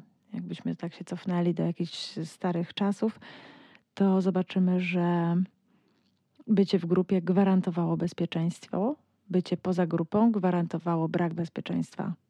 No tam były dzikie zwierzęta, zimno i tak dalej, i nie można było przetrwać. Dzisiaj to trochę inaczej funkcjonuje, bo tych grup mamy ogromnie dużo, różnorodnych, więc nie jesteśmy zdani na jakąś jedną grupę. Natomiast em, przeżywanie bycia w grupie się nie zmieniło. I jeżeli ja mam takie przekonanie, że brzydko śpiewam, to jak śpiewam, no to się wstydzę, bo wstyd ma zadanie ochronić mnie przed tym, żeby mnie nikt nie wyrzucił z tej grupy. Za to, jak śpiewam. Hmm. I mm, dla mnie szokujące było stwierdzenie Liv Larson, jak poznawałam wstyd, że każdy z nas przeżywa wstyd od kilku do kilkunastu razy dziennie. W przeróżnych sytuacjach. Krzywo postawiłaś talerzyk i się zawstydziłaś. Brzydko zaśpiewałaś i się zawstydziłaś. Powiedziałaś zbyt impulsywnie coś do swojego partnera i się zawstydziłaś. Ale nie mamy z tym kontaktu, bo odczuwanie wstydu jest bardzo, bardzo trudne. Wszystko nas pali. Chcemy się zapaść pod ziemię. Nie możemy utrzymać kontaktu wzrokowego z drugą osobą. Nasze ciało się kurczy. To jest bardzo nieprzyjemne. To musiało być bardzo nieprzyjemne, żeby dać nam to bezpieczeństwo, to pierwotne przetrwanie. Więc musiało być bardzo nieprzyjemne. Ale ponieważ było tak bardzo nieprzyjemne, to wytworzyliśmy sobie Mechanizmy obronne. mechanizmy obronne przed wstydem. Więc jakbyś zrobiła sondę uliczną dzisiaj i zapytała ludzi, czy się wstydzą albo czego się wstydzą, to nie wiem ile, ale tak strzelam, że pewnie połowa powie ja, ja się nie wstydzę. Ja się w ogóle nie wstydzę. Proszę pani, wstydzą to się dzieci. Mhm. Małe dzieci się wstydzą, jak nie chcą dać buziaczka cioci. A ja jestem dorosłą kobietą albo dorosłym mężczyzną, ja się nie wstydzę. My nawet nie zauważamy, że się wstydzimy. Więc w co idziemy, żeby się nie wstydzić? Idziemy w poczucie winy, idziemy w obwinianie innych ludzi, w złość, taką na innych ludzi wyrażaną. Idziemy w całkowite wycofanie się, w takie wycofanie się, że nawet czasami nie mamy siły powiedzieć. Nie wiem, czy masz takie doświadczenie, że próbowałaś coś powiedzieć, ktoś do ciebie mówi i ty chciałaś odpowiedzieć, ale byłaś w takiej niemocy, że nie byłaś w stanie wypowiedzieć słów. Tylko raz mi się to zdarzyło, ale Mhm. wtedy, kiedy spadłam z huśtawki z koleżanką, sąsiadką, e, bujałyśmy się na jednej huśtawce. Byłam wtedy mała i e, ja spadłam na trawnik, a ona na e, Beton. kostkę brukową. I chciałam zapytać, czy nic jej się nie stało. Nie byłam w stanie wydusić siebie, ale to był raczej szok niż wstyd. To mógł być szok, to mógł być wstyd, tak. No, ale tak, że, że, że spadłyśmy, że w ogóle taka sytuacja. Myślę, że w ogóle tam to było bardzo dawno temu. Ja trochę się tego chyba wstydziłam. Mm, Teraz oczywiście opowiadam po latach o tym z lekkością i, i frywolnością.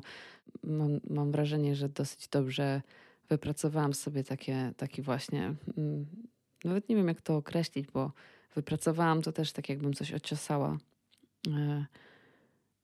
Ale mam chyba taką zdrową relację z, ze, ze wstydem, mm, jeżeli mogę tak to określić. Mhm. Jeżeli miałabym to odnieść do takiego muzycznego życia e, i występów na scenie i w ogóle mojej relacji z moim głosem i z moim śpiewaniem, to ja się tego nie wstydzę. Natomiast wiem, że wielokrotnie skopałam. Wielokrotnie wystąpiłam nieprzygotowana. Kiedyś zdarzało mi się też występować po spożyciu zbyt dużej e, ilości alkoholu, co wcale nie sprzyjało. Znaczy, wydawało mi się wtedy, że sprzyja, ale e, słuchałam później nagrań i wcale tak nie było. Wybierałam sobie niewłaściwe utwory albo wymyślałam piosenki, które kompletnie nie, byłam w stanie zaśpiewać ich w sposób swobodny i wygodny, bo nie pisałam ich dla siebie, tylko dla innych bo tak mi się wydawało, że, że takich piosenek ludzie ode mnie oczekują. I wielokrotnie doświadczałam takich moich wewnętrznych porażek. Ludzie tego nie widzieli, ludzie odbierają muzykę zupełnie inaczej niż nam się wydaje, i to też jest, myślę, warte podkreślenia, że to, co my myślimy na temat swojego występu, a to, co ludzie myślą, jest zawsze. Ludzie myślą bardziej łagodnie o nas. E, w kontekście tego jestem praktycznie przekonana w stu procentach nawet jeżeli ktoś zafałszował. Naprawdę, wydaje mi się, że, e, że nasza głowa buduje nam taki ko ko koszmarny scenariusz. No i tak to trochę sobie rozwiązałam, że uznawałam to, że to ja zrobiłam za mało prób, yy, z, nie wiem, muzy nie, nie przypilnowałam to też o innych muzyków do tego, żeby się przygotowali, a mogłam e, spróbować coś zrobić, bo wiedziałam, że ten koncert się zbliża i tak dalej, i tak dalej, i tak dalej. Więc jakby uchroniło mnie to przed tym, żeby się tego wstydzić. Chociaż. E... Trochę pobrzmiewa mi tutaj poczucie winy?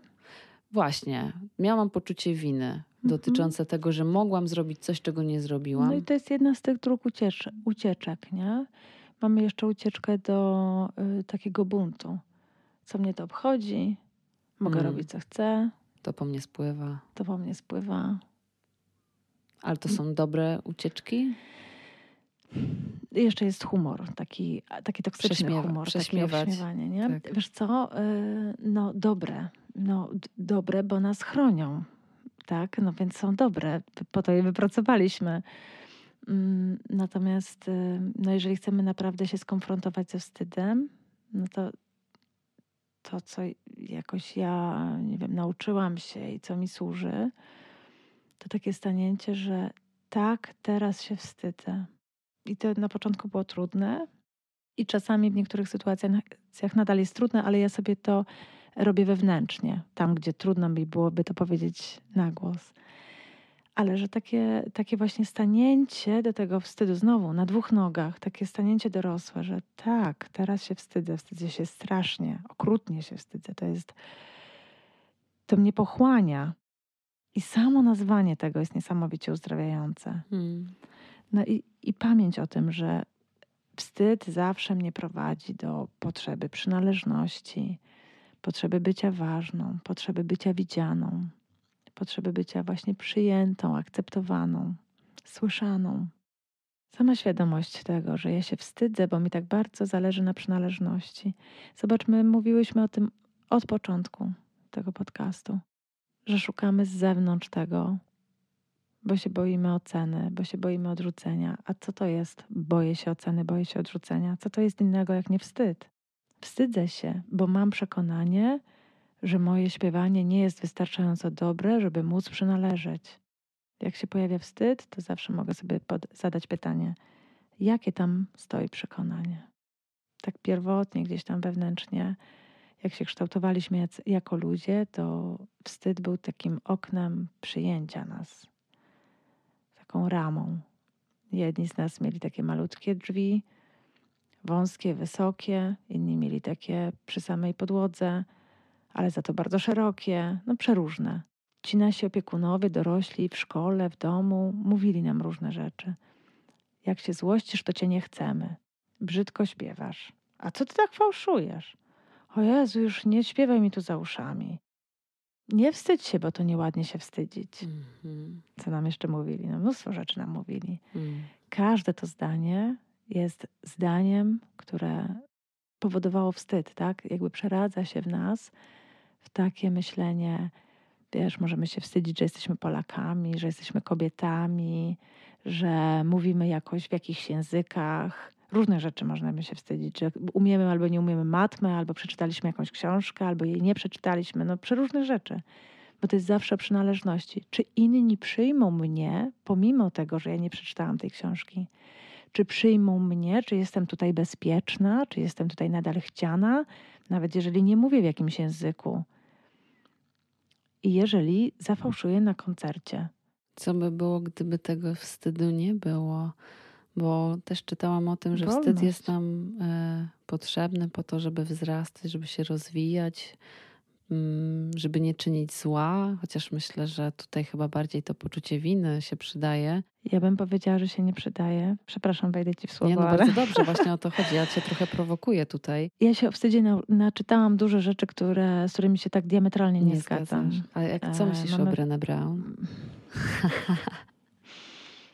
Bo to jest chyba mm. taka postać, która w temacie wstydu jest przytaczana najczęściej i e, kiedy tak. robiłam własny research, to po prostu mm, jak wpiszesz wstyd, to całe Google do ciebie, wiesz, wyskakuje. Brené Brown, Brené Brown, nic tak. więcej. YouTube. To... Mnie nie ma? A, jesteś, no oczywiście, że jesteś. ze wstydem, ja to tak, no ze wstydem jakoś bardzo. No i Liv Larson. Jakby ktoś chciał troszeczkę coś innego poczytać niż, y, niż Brené Brown, znaczy, y, nie podważam, absolutnie. Mhm. Natomiast jakbyście chcieli trochę innej perspektywy, to jest taka książeczka Liv Larson, przez V, Liv Larson. Dodamy w opisie. Wstyd, złość i poczucie winy. Dzwonki alarmowe. Mhm. To są nasze dzwonki alarmowe. To są dzwonki, które nam przypominają, że mamy bardzo ważne potrzeby do zaspokojenia. Nie wiem, czy wstyd nam pozwala, czy pomaga wzrastać. Może czasem tak być, ale mam wątpliwości. Ale żeby nie robić złego, no i teraz pytanie, co to jest w ogóle złe, kto to ocenia, jak to ocenić, do czego to przy, przy, przyłożyć, czy istnieje coś takiego jak obiektywna krzywda? Y, nie wiem, myślę, że to jest mm. na taką filozoficzną dyskusję, ale my mamy zestaw potrzeb, zaczęłaś od tego dzisiaj. I ten zestaw potrzeb jest ogromnie szeroki. Mm. Wśród tych potrzeb mamy takie, które motywują nas do tego, żeby dbać o innych ludzi, o współbycie, współdziałanie. Mamy potrzebę współzależności, towarzystwa, bliskości, więzi, e, dotyku, porządku, pokoju, piękna świata. Mamy mnóstwo potrzeb, które motywują nas do tego, żeby być z innymi ludźmi w jakiejś, wiesz, bliskości, szczerości, żeby przyczyniać się do wzbogacania ich życia, Mm. żeby naszymi działaniami obejmować moje i innych ludzi potrzeby, i żeby wzrastać wspólnie w tym. I tak naprawdę wystarczy, gdybyśmy to umieli, wystarczy zaglądać do potrzeb, i wtedy nie potrzebujemy przepisów prawa, więzień, e, wzajemnego motywowania się. Co to znaczy motywować się? Ja mam już moją motywację. Moją motywacją są potrzeby. Mhm. Nie ma innej motywacji. To jest moja wewnętrzna motywacja. Nie potrzebujemy się wtedy y, manipulować, przekonywać, kłócić, y, udowadniać sobie racji, bo tą największą wartością i tym, za czym wszyscy tęsknimy, tak mi się wydaje, to jest właśnie ta bezpieczna bliskość, ta bezpieczna przystań, którą mamy sami w sobie, ale też z innymi ludźmi ją tworzymy współbycie, tworzenie razem pięknego świata. I to, że ludzie robią jakieś trudne rzeczy dla innych ludzi, to jest ten tragiczny sposób zaspokajania potrzeb, o którym wcześniej mówimy, że my po prostu w danym momencie nie potrafimy inaczej, bo albo sami zostaliśmy skrzywdzeni, bo nie umiemy rozpoznawać naszych potrzeb, bo nie rozumiemy sami siebie. Różne mogą być przyczyny ale tam pod spodem i tak jest zawsze potrzeba. I te potrzeby, które zachęcają nas do dbania o innych ludzi, też są w tym zestawie. Czyli wstyd jest niepotrzebny. Nie wiem, czy jest niepotrzebny. Jest uczuciem, tak jak każde inne uczucie. I jak każde inne uczucie, informuje nas o zaspokojonych i niezaspokojonych potrzebach. Teraz dodam coś od siebie e, śmiesznego. Mm, Był wstyd, e, nie wiem, czy wszyscy wiedzą, ale E, nie jest nam wbudowany w mózg, jak się rodzimy. On się pojawia dopiero w którymś roku życia, nie pamiętam dokładnie którym, pewnie jakiś trzeci czy coś w tym stylu, jak zaczynamy konfrontować siebie ze światem i innymi ludźmi i dowiadujemy się, że nie jesteśmy wszyscy tacy sami, etc. I... Jak nam świat y, próbuje nas poinformować, tak. że nie jesteśmy wcale tacy fajni, jak Dok nam się wydaje. Dokładnie. I lubię, lubię właśnie mm, wyobrażać sobie takiego bobasa wtedy, takiego wiesz, jeszcze takiego tłuściutkiego, który patrzy w lustro i sobie myśli, ale mam fałdki. Jakie one są brzydkie. E, Widziałaś kiedyś małe dziecko, które płacze i dopomina się y, na przykład, nie wiem, mleka mamy albo tak. przytulenia. Hmm. Robi to tak długo, aż w końcu padnie, jeżeli tego nie dostanie. Nie poddaje się w tym. Strategia realizacji potrzeb. Tak, ale chodzi mi o taką wytrwałość, hmm. że nie ma takiego pomysłu, że coś jest z nim nie tak, jak tak, tak. krzyczy, że coś jest nie hmm. tak, że, się, że prosi o to mleko tak. albo o to przytulenie. Po prostu ja chcę teraz przytulenia, Mhm. Moją jedyną strategią jest mama, bo mhm. dzieci nie są same odpowiedzialne za swoje potrzeby, tylko ich rodzice są za to odpowiedzialni, znaczy dorośli są za to odpowiedzialni. Po prostu tak długo dopominam się o tą potrzebę, aż ją dostanę. A dorośli nakładają na to wstyd. Mhm. No ale nieładnie robisz. Brzydko tak krzyczeć. Uspokój się, to dostaniesz. I tak dalej, nie? I, i, i my sobie to robimy, tak. Dlatego właśnie wstyd jest tą tym oknem tolerancji. Jak my byliśmy tolerowani przez nasze otoczenie, to taki mamy teraz wstyd. A wychodzenie na scenę pomaga trochę z tym wstydem walczyć? Czy śpiewanie pomaga?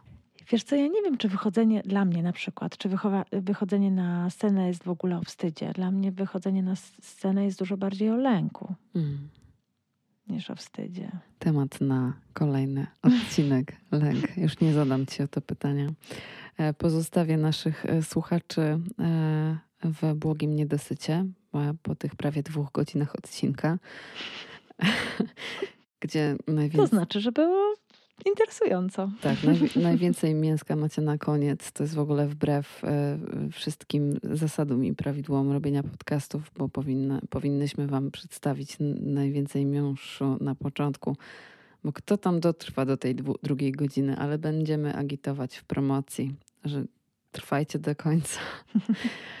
Dziękuję Ci, Emilio, e, za poświęcony czas i za tyle mądrości i swojej perspektywy. Oczywiście nie jest to żadna instrukcja NVC ani przewodnik, i po tym odcinku nie spodziewam się, żeby ktoś nagle doznał takiego poczucia, że może teraz się ekspertyzować, ale mam nadzieję, że doświadczyliście takich sytuacji, kiedy Emilia mówiła, e, w których mogliście gdzieś poznać swoje wzorce, swoje schematy postępowania i że po prostu będziecie mieli po tym odcinku e, dobre refleksje. Ja dziękuję bardzo. To dla mnie w ogóle jest ogromny zaszczyt. Jak to mówiłaś na początku, że a, nie byłaś gotowa i tak dalej, to sobie myślałam, o matko, naprawdę jakoś bliżej by mi było do takiego pomysłu, że po prostu nie uznałaś, że jestem wystarczająco dobrym gościem do zaproszenia. No co ty? No, tak działają właśnie te nasze schematy. No właśnie. W każdym razie dziękuję i to jest dla mnie ogromna radość, że mogłam tutaj być z Tobą i z Wami. Dzięki serdeczne. Jeżeli chcecie e, więcej e, posłuchać Emilii, to zapraszam do posłuchania podcastu Poziom Miłości. Znajdziecie go wszędzie. E, wszędzie. Zapraszam też do, na stronę emiliakulpanowak.pl. Oczywiście dodam ją w opisie odcinka. Obserwujcie też Instagram Emilii, która ostatnio dodaje bardzo dużo reelsów czy rolek. Ja nie wiem, jak to się nazywa. Ja jestem chyba trochę już tam no ja, też, ja też jestem ten. Ale jesteś świetna w to w ogóle. Także zapraszam na Instagrama Emilii. No i to chyba będzie na tyle. Jeżeli lubicie ten podcast i uważacie, że jest fajny, to możecie teraz zagłosować na niego w plebiscycie publiczności. Do 17 listopada mm, trwa głosowanie na podcast roku 2000. 22, do którego podcast o głosie został nominowany, e, więc zapraszam na stronę. Link podam w opisie. Ja już zagłosowałam. Z, z dumą i radością. Zanim zostałeś wszystkim zaproszona. będę mówić, no zanim i wszystkim będę mówić, że znam tą panią z tego podcastu. Tak, a jeśli chcecie mnie wesprzeć, to zapraszam na Patronite. Z tego miejsca pozdrawiam Justynę Odon i Andrzeja Tartanusa, moich patronów, a także możecie postawić mi kawę w serwisie Buy Coffee. Jeżeli macie do mnie jakieś pytania, napiszcie maila albo wiadomość na Instagramie. A jeżeli podobał Wam się ten odcinek, to go udostępnijcie, bo to jest najlepsze, co można zrobić dla twórcy. I e, mówię to również jako twórczyni, że nie ma większego fanu, więk- większej radości i większego naprawdę docenienia, jak udostępnianie odcinków, bo to właśnie udostępnianie e, nakręca nam podcasty. To udostępnianie jest największym wyrazem e, wdzięczności za to, co robimy, e, bo robimy to za darmo i dla fanu, i dla siebie, ale też dla Was. I jak to idzie dalej i idzie szerzej, to to po prostu ma więcej sensu. I oczywiście nie wstydźcie się nas oznaczyć. Chętnie przyjmujemy takie małpyczki z naszymi tam nikami na, z Instagrama na przykład. No pewnie. I to już wszystko w tym odcinku. Dziękuję bardzo. Dzięki. Do usłyszenia w następnych. Pa! Pa!